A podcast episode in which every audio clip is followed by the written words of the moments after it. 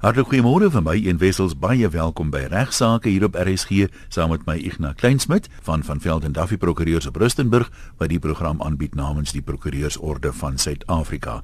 Ignas voor ons eh, jou in die woord stel, miskien moet ons net weer sê ek kry baie navrae en ek vermoed jy ook van mense wat vir ons pakke dokumente stuur, al ja. die lange dinge en dan is hulle diep in die nood en hulle vra asseblief help tog dadelik Kom ons sê net weer wat is die doel van die program? Die Prokureursorde van Suid-Afrika maak die program moontlik met die idee om mense te bemagtig en in te lig wat regsaake betref. Ons nooi wel mense om hulle vrae te stuur. Ek nou gebruik dikwels hierdie vrae om meer in die algemeen te praat, algemene raad te gee vir mense in soortgelyke posisies. So as jy jouself nou in sy posisie indink, dit is bloot nie moontlik om prakties en gratis vir alsoos baie mense sê, kan nie 'n prokureur bekostig nie, help my dis doodgewoon net nie haalbaar as so mense nou op nasionale radio uitsaai vir Igna om betrokke te raak by al hierdie gevalle nie. En uh, dan is daar ook die kwessie van etiek as jy nou reeds 'n prokureur genader het, baie keer voel mense met die prokureur doen nie wat jy gedink het hy sou doen nie. As ek reg verstaan, miskien kan jy net 'n woord daaroor sê. Ek nou een prokureur sal nie sommer 'n ander prokureur se werk oorvat tensy nee. daai mandaat beëindig is nie. Wat is die Dis 100% reg daarom die ja, etiket ja. daarmee. Die regsreëls is wat van toepassing is dat ek mag nie met iemand konsulteer wat op daardie stadium 'n kliënt van 'n ander prokureur is nie. As so 'n persoon na my toe as prokureur wil kom, dan sal ek vir hom sê jy moet eers jou mandaat gaan beëindig uh, by jou huidige prokureur sodat daai prokureur aan my bevestig en dan wil ek die volledige leer hê ook om te sien wat tot dusver gebeur het en uh, of dit die moeite werd is want dikwels word die mandaat beëindig vir redes wat nie werklik goeie redes is nie uh, omdat mense nie verstaan hoe tydsaam die wiel draai ja. van die ja. reg nie en dikwels ook omdat daar nie behoorlike kommunikasie was tussen die bestaande prokureur en die kliënt nie. Maar Ian baie dankie. Ek ek waardeer dat jy vir ons uh, luisteraars vra asseblief nie uh, dink dat ek uh, kan oorneem by hulle prokureurs en al hulle sake en ook nie die lang oproepe kan beantwoord nie. Die ander aspek wat ek net wil noem, jy het nou gepraat van mense wat dit nie kan bekostig nie. Wat ons kry letterlik talle talle briewe wat sê ek kan nie 'n prokureur bekostig nie.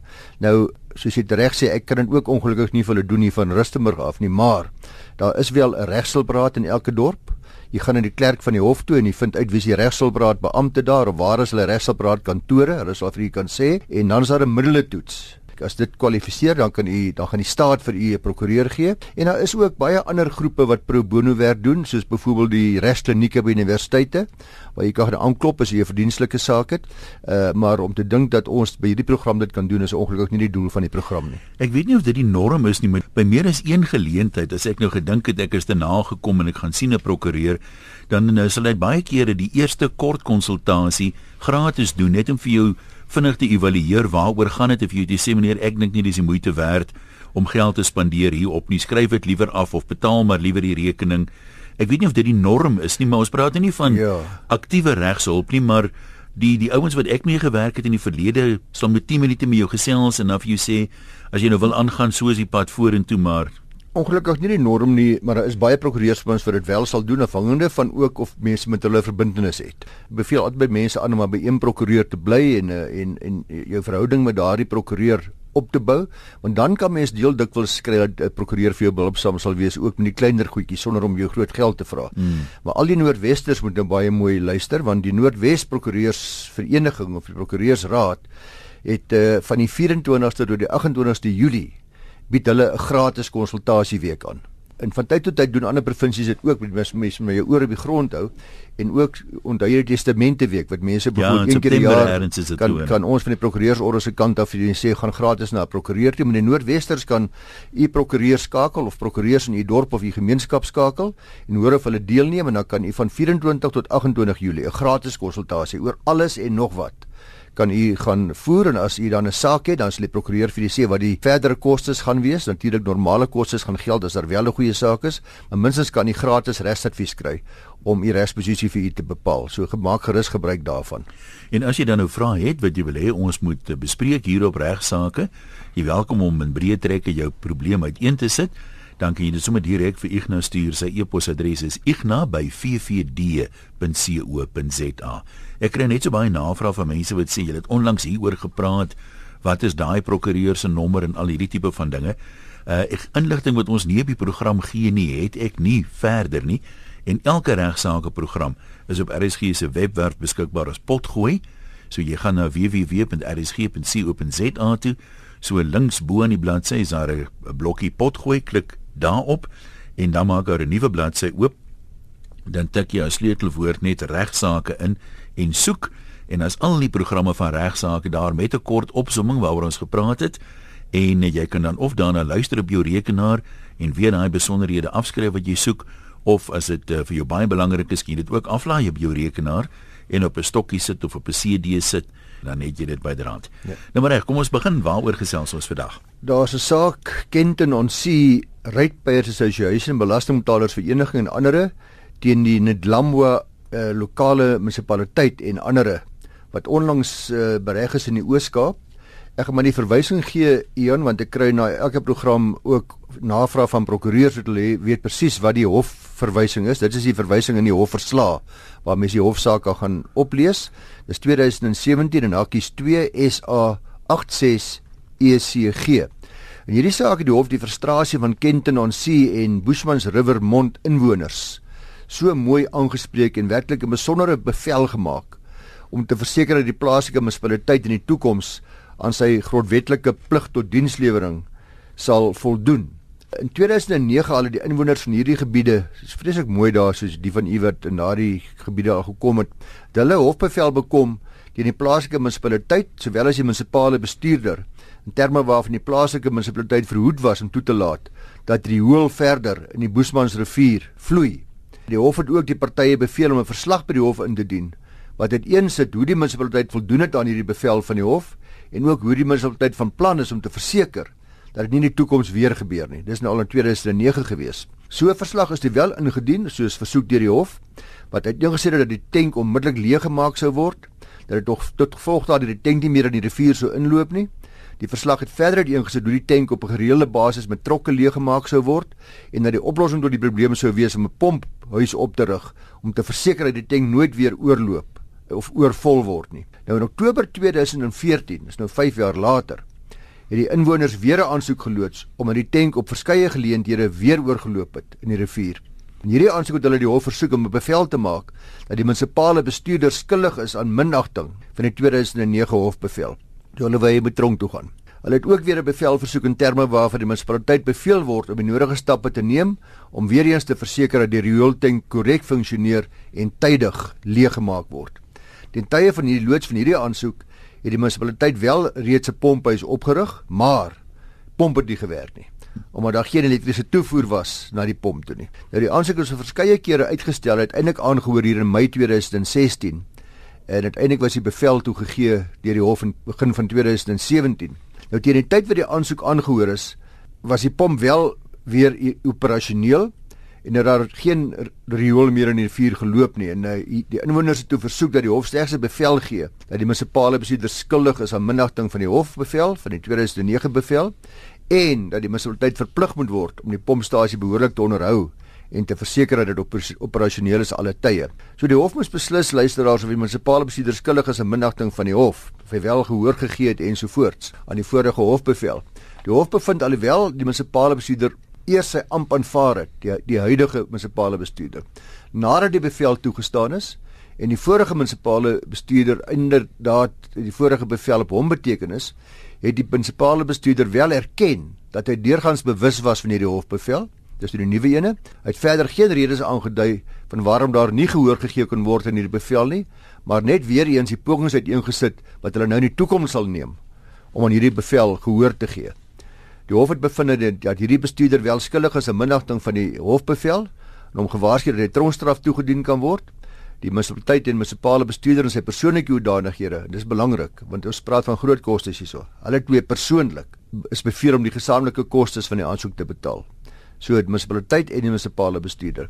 Die hof het ook beveel dat die munisipaliteit 'n verslag by die hof moet indien voor die 14de Julie 2016, is nou Mei maand al wat uh, moet uiteensit watter stappe geneem sal word om te verseker dat die onderhoud behoorlik gedoen sal word. Nou wat interessant is dat die hof anders as in 2009 nou beveel het dat hierdie verslag per eetsverklaring by die hof ingedien moet word en ook geplaas moet word vir argumentering nadat die inwoners die geleentheid gehad het om op die verslag te reageer. So om seker te maak hierdie verslag is die waarheid, sê, gee dit onder eed vir my. Gee dit vir die belastingbetalersvereniging. Hulle moet 'n kans kry om te reageer op en sê hey, as ek klom nonsens of dis waar, hulle is tevrede. Elke 3 maande. Die hof het ook in sy bevel voorsiening gemaak dat hierdie verslag wat ingedien moet word, dan die basis van 'n verdere hofbevel sal daarstel om te verseker dat die stappe wel gedoen word. 'n Ander aspek waaroor die hof moet beslis was die sogenaamde Marcel stortingsterrein in daardie area. Mhm. Mm die inwoners het aangevoer dat die stortingsterrein onregmatig gestig is omdat die lisensies nooit goedgekeur is nie. Hulle het aangevoer dat uh, dit geneig is om te brand daardie area wat dan oormatige rook in verskeie nabye woonbuurte veroorsaak dat die stortingsterrein beslis oorvol is en 'n brandgevaar daarstel omdat die rommel selfs buite deur stortingsterrein lê en nie behoorlik onderhou word weer eens nie. Inwoners het die hof versoek om 'n bevel toe te staan terme waarvan die munisipaliteit verplig sou word om te verseker dat alle brande geblus en beheer word, om te verseker dat alle rommel binne 'n sekere radius opgetel sal word en dat hulle verplig is om stappe te neem om 'n nuwe afvalverwyderingsplan en perseel te verkry en te bestuur. Nou oor hierdie rommel uh, verwyderinge die hof beslis dat die munisipaliteit in stryd met sy grondwetlike pligte opgetree het, dat dit nie tydig toegesien het tot die ontmanteling van die stortingsterrein nie. Die hof het uh, ook die munisipaliteit beveel om te voldoen aan sy grondwetlike pligte en te verseker dat hierdie stortingsterrein herstel word, gerehabiliteer word en dat 'n alternatiewe stortingsterrein dadelik gestig word. Hof het verder gegaan, weer as wat mense sou verwag en die munisipaliteit beveel om 'n verslag by die hof in te dien weer eens voor die 14 Julie 2016. Hierdie verslag moet presies uiteensit watter stappe geneem sal word om hierdie bevel na te kom. Die hof het ook beveel dat die verslag moet uiteensit uh van die stappe wat geneem word om uh die rehabilitasie te doen. Presies hoe hulle dit gaan doen en wat die tydsgrense is wat daaraan gekoppel is. So ook tydsgrense vir die hof vir hulle gegee. Verder moet die verslag uiteensit wanneer hulle die nuwe stortingsterrein gaan daarstel ook binne sekere tydsgrense. Nou net soos in geval van hierdie hoeltank, het die hof beveel dat die verslag per eersverklaring by die hof ingedien moet word, geplaas moet word vir argumentering, alles dieselfde en het ook voorsiening gemaak dat hierdie verslag dan gebruik kan word as 'n basis vir 'n verdere hofaansoek wat dan in sal sluit minagting en, en tronk en al die soort van dinge. Die hof het selfs so ver gegaan om te beveel dat, dat sodra daardie verslag dan in 'n hofbevel geïnkorporeer is en die munisipaliteit dan elke 90 dae weer eens moet verslag doen oor opstel van die vordering wat gemaak is. Uh dis 'n werklike besondere beslissing luisteraars Eon omdat die hof veel meer gedoen het as wat mense sou verwag om te verseker dat die munisipaliteit sy pligte nakom. Die hof het eintlik so 'n bietjie in die rede ingedaal hier so gesê hey, ek gaan nie ek gaan nie planne vir julle nou gee want julle maak jouself goeie planne nie. Uh is 'n duidelike voorbeeld van hoe inwoners van 'n gebied kan saam staan. Dis my pragtige hofsaak hierdie. En hoe hulle 'n swak dienslewering kan oorskakel deur middel van die hof na ordentlike dienslewering toe. So geluk aan hierdie belastingbetalersvereniging van uh, hierdie area, van Kenton on Sea, wat duidelik nie swans swak dienslewering duld of verdra nie en wat daadwerklik positiewe stappe geneem het om dit af te dwing. Luisteraars, ek kry 'n baie mooi briefie van ouma Jantjies noem sy haarself van die Kaap. Sy skryf 'n roerende brief wat duidelik haar liefde en haar bekommernis oor haar kleinseun bewoord. Sy sê my kleinseun Jody is 'n student by Uitjies. Ons almal is baie trots op hom. Hy was slim genoeg om 'n beurs te kry by die government, gemaak woorde gebruik en sou verlede jaar al sy eerste graad kry. Ongelukkig het hy nie deurgekom dit is omdat die hof totally onbillik was en die magistraat duidelik nie van my kleinseun gehou het nie. Jody het 'n klomp vriende wat baie political is sê sy. Hy self wil net studeer, maar hulle pla hom baie en nou moet hy saam met hulle gaan beklei in die strate teen injustice. In September was hy saam met 'n groep in Strandstraat. Hulle teen iets betoog, ek weet nie wat nie. Jody sê hy het net saamgestap en niks gedoen nie. Van sy maaters het twee winkelfensters gebreek onder andere en blykbaar sweets en koeldrinks gesteel sê sy. En toe arresteer hulle sommer vir Jody ook. Hy het niks by hom gehad nie. Geen wapen nie, soos ander nie. Geen sweets nie, niks nie. My dogter, sy ma sê die magistraat het gesê hulle was almal saam en daarom is almal skuldig. Hy was 2 maande in die tronk en daarna nie deurgekom nie. In feite sê sy hy het omtrent die swaarste straf van almal gekry. Dan sê sy ons legal aid, ons regsel prokureur het sy bes probeer maar niks het gehelp nie. Ek wil hierdie ding van my van my van sy naam afkry en sal waardeer dat Ignas kan help asseblief. Dis nou ouma Jantjies. Ek gaan maar vir julle drie sake gee waarmee ek gaan handel ten opsigte van die leerstuk van gemeenskaplike oogmerk as ons saam iets gaan doen Die eerste is uh Rex versus Gansworth, die reeds in 1923 beslissing en dan Staat versus Safatsa, uh, die leidende gesag wat oor kyk na gemeenskaplike oogmerk en dan gaan ek vinnig iets sê ook Staat versus Khoza. Dis maar hierdie storie, luisteraars, ek skiet iemand dood tydens 'n rooftog. Jy het saam by beplan, jy sit in die kar buite en wag. Ek roof en ek skiet en maar jy help my wegkom en jy help my beplan. Uh ons wil saam dieselfde doel bereik. Nou in Rex versus Gansworth was daar 'n staking op die myne geweest. Die groep persone wat gestaak het, is die G-groep. Daar was ook 'n tweede groep persone wat wou werk. Dit kry mens baie by stakings. Mm. Nou die G-groep, die stakers, het besluit om almal wat wou werk te stop en hulle met geweld te dreig. Hulle het op die myne toegesak met wapens en van die wat nou wou werk is toe inderdaad doodgeskiet daar in. Dis praat oor 1923, né? Toe het al so rof gegaan. Ja, daai stakings het in 22 al begin as ek reg onthou. Korrek, korrek. Hulle is doodgeskiet in die proses en die hele G-groep is toe voor die hof gebring op 'n aanklag van moord. So talle van hulle terwyl daar net 'n paar mense inderdaad geskiet het. Die vraag wat ontstaan het in hierdie hof is of die hele groep skuldig bevind kan word aan moord waar daar nie bewys kan word wie spesifiek verantwoordelik was vir die dood van die oorledenes nie. Die hof beslis hierso dat die hele groep skuldig is aan moord op grond van hierdie leerstuk van gemeenskaplike oogmerk. Hulle is met ander woorde mededaders. Die hof definieer die gemeenskaplike oogmerk leerstuk as volg en ek haal aan uit die hofsaak uit. Dit is waar twee of meer persone 'n gesamentlike oogmerk het om 'n misdaad te pleeg en elke daad van aktiewe assosiasie met die gemeenskaplike oogmerk pleeg om dit uit te voer, dan word die gedrag van elk al die ander toegereken en so word almal dan mededaders. Einde van die aanhaling. So aanspreeklikheid na die bereiking van die gemeenskaplike oogmerk is individueel. Na aanleiding van hierdie saak is dit belangrik om dis 'n paar aspekte uit te lig. Ons kan begin hier eersins die definisie makliker te verduidelik met die volgende voorbeeld. 'n Groep prokureurs besluit byvoorbeeld om my te vermoor. Uh hulle het gevoel dat ek te arrogant is en te veel breedsprakig is en te belangrik myself ag. En dis nie relevant of hulle reg is of nie. Ek dink daar's 'n groot mate van waarheid daarin. Piet het baie klippe by sy huis en sê hulle gebruik dit om uh, my mee kan dit gebruik om my mee te gooi. Jan het 'n bakkie genaal en die klippe by Piet se huis gaan aanry en uh, dit daarna van Vel en Daffy toe gebring. Dawid en Johan dra die klippe aan en uh, na my kantoor toe en hulle begin my gooi met die klippe. Daar kan nie bewys word wie die klippe gegooi het. Die een wat my teen die regter tempel getref het nie. Uh en die direkte oorsaak van 'n baie ernstige besering was nie. Die vraag is dus nou wie skuldig? As ek nou dood is, sou dit 'n nou moord gewees. Nou as ons na die beslissing van Rex Rex versus Gansworth kyk in 1923, dan gaan al vier hierdie man skuldig wees op grond van gemeenskaplike oogmerk. Al vier van hulle het die oogmerk gehad om my dood te gooi met klippe. Elkeen het bygedra tot die plan wat die daad van aktiewe assosiasie genoem word. Hulle opset om my te moord, dis die skuldelement, moet steeds by elkeen teenwoordig wees en afsonderlik bewys word. Maar aanspreeklikheid bly daarom individueel vir die gemeenskaplike oogmerk. Uh nog 'n vereiste is dat die dader natuurlik identifiseerbaar moet wees. Ons dan weet daai Pietie en Kosie en Janie was almal daar.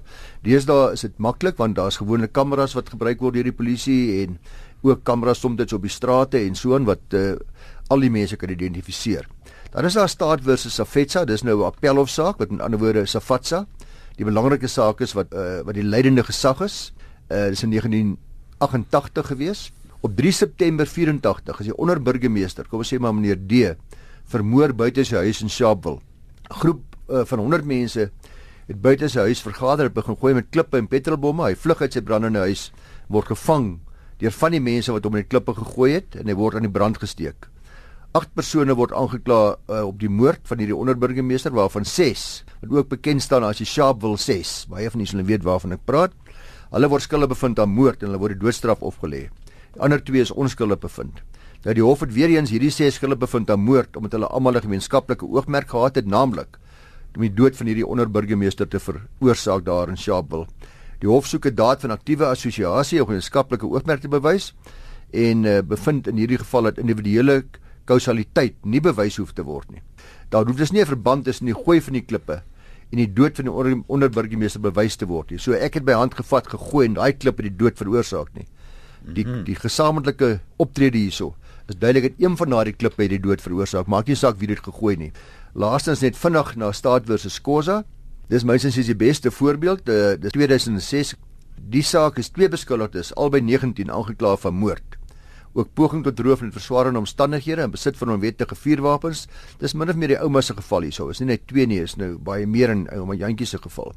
Hulle het vooraf bespreek om 'n motor te kaap wat hulle geweet het daar naby op pad terug was van 'n dwelmtransaksie, vuurwapens saamgevat en toe die vo voertuig nie wou stop nie, het hulle voor die motor ingespring en begin hulle by insittende skiet en hulle wond een noodlottig. Die hof blameer hulle mekaar daarvan dat die ander een die doodskoot gevier het. Net soos die seun nou, die klein seun, die klein seun nou sê dis nie ek het niks gedoen nie, dis die ander. Ek is net daar gewees. Maar tog het hy die grootste straf gekry. So ek weet nie die hof het duidelik anders bevind as wat hy vir sy ouma vertel. Beide van die beskuldigdes moet voorsien het dat die vuurwapens gebruik kon word sê die hof dat hulle dis 'n persoon kon doodskiet. Dis die voorsienbaarheidsoets om opset te te bepaal. Sê ons vat vuurwapens, ons gaan hierdie kar kaap. Ons moet voorsien dat as ons skoot aftrek, dan kan ons iemand doodskiet. So daar was dus aktiewe assosiasie gewees. Albei word skuldig bevind aan moord en die hof sê die staat het ook skuld bewys in hierdie saak deur die beskuldigdes met die saamneem van die vuurwapen dis duidelik voorsien het dat hulle iemand gaan skiet en dalk gaan doodskiet.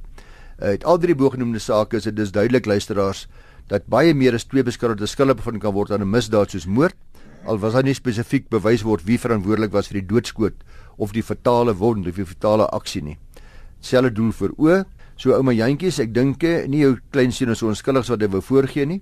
Hy was duidelik deel van die groep wat uiteindelik uh, die misdade gepleeg het.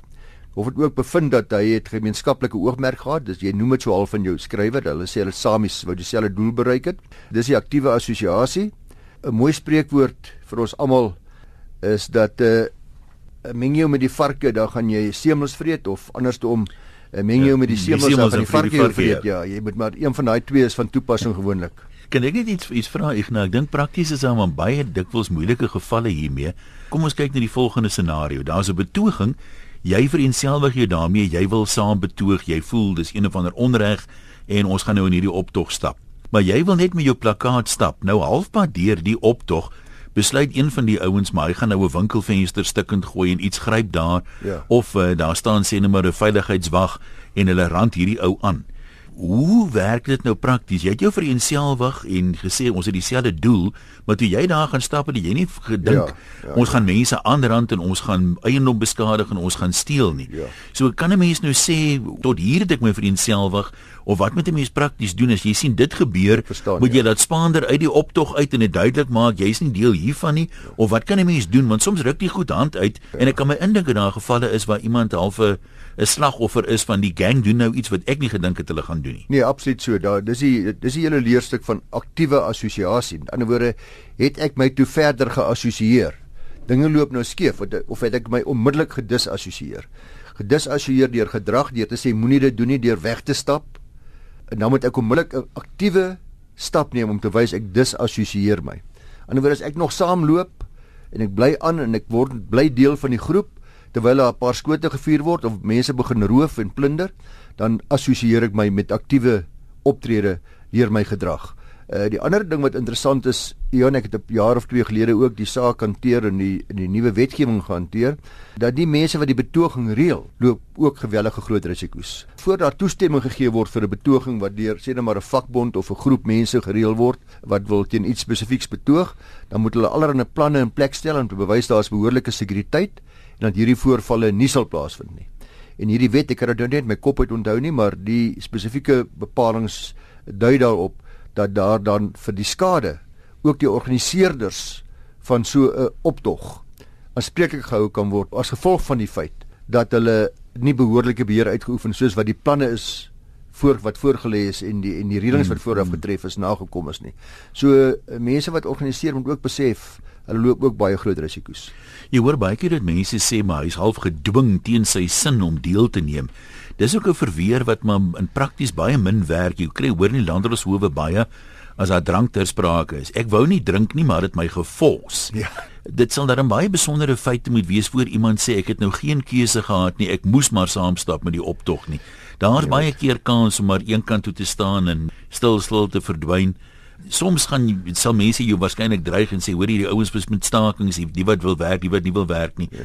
die wat nie wil werk nie word dikwels op 'n manier gedreig maar uh, dis nie altyd so maklik om te sê dit my gedwing nie. Nee, die hele kwessie van dwang en onbehoorlike beïnvloeding uh, by volwassenes is ongelooflik moeilik om te bewys soos jy tans sê ek het my eie reg. Die feit dat, dat ek die swakker persoonlikheid het en jy die sterker persoonlikheid beteken nog nie dat ek met saam met jou gaan nie. Daar was nie 'n revolver te my kop gewees nie, waar dit wel dikwels suksesvol as 'n verweer gebruik kan word, veral ook 'n strafversagting gebruik kan word, is waar daar 'n gesagsverhouding bestaan.